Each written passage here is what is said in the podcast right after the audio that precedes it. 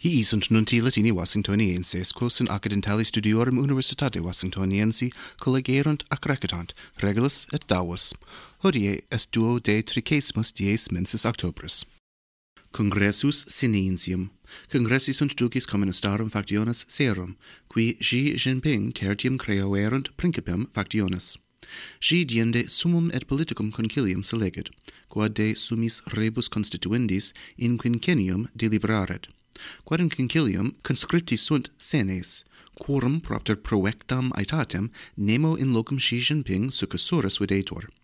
Itque dominatio quam Xi iam exercet, videtur fore perpetua.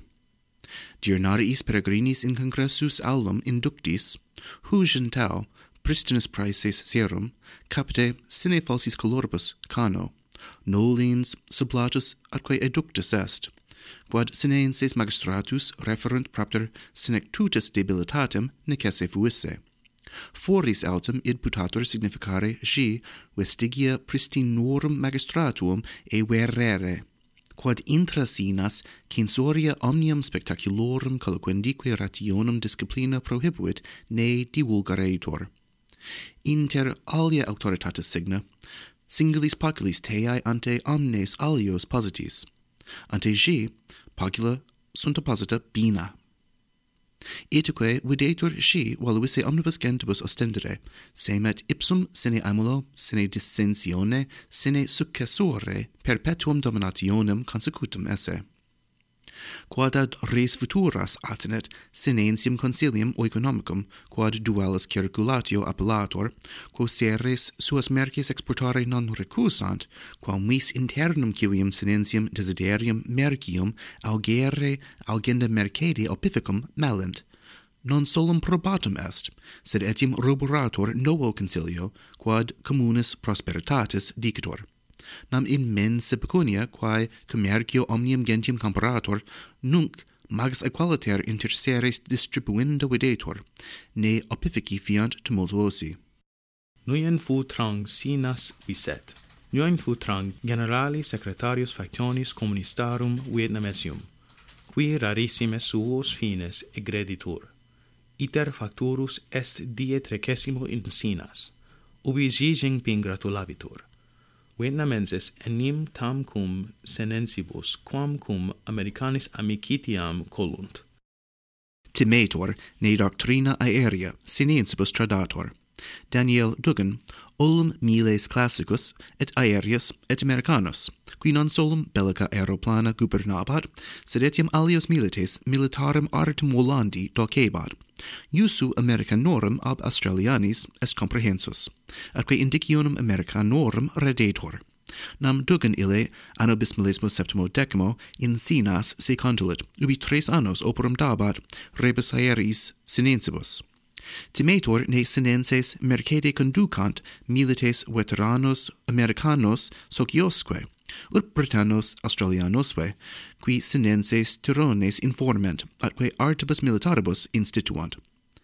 Etiam hac abdomine magistratus Britannorum suos milites aereos manuerunt, ne artes militares sinenses docerent atque Australiani ad huc pervestigant utrum sui cives ulli sinensius militarum doctrinam tradant. Milites in Haitiam mitendi. In coetu omnium gentium strenue conantur legati Americani agere ut milites in Haitiam mitantur. Nam Antonio Guterres, secretario generali coetus, videtur auxilium custodibus publicis Haitiensium immittere, qui latrones populum petroleo arcentes deturbent, et pacem redintegrant. Nulla vero gens dixit se vele milites ducere, sed Americani de re cum Canadensibus, qui legatos die Ioes in Haitiam miserunt, et Mexicani et Bahamensibus collocuntur propter in opium petrolei et aquae dulces puraeque periculum cholerae imminet Haitiensibus. Fieri potest ut consilium militaris auxilii mitendi mense novembri in eunte capiator. Risius sunac selectus. Orisius sunac creatus est novus minister primarius Britannorum. Sunac breviter cancellarius fuit.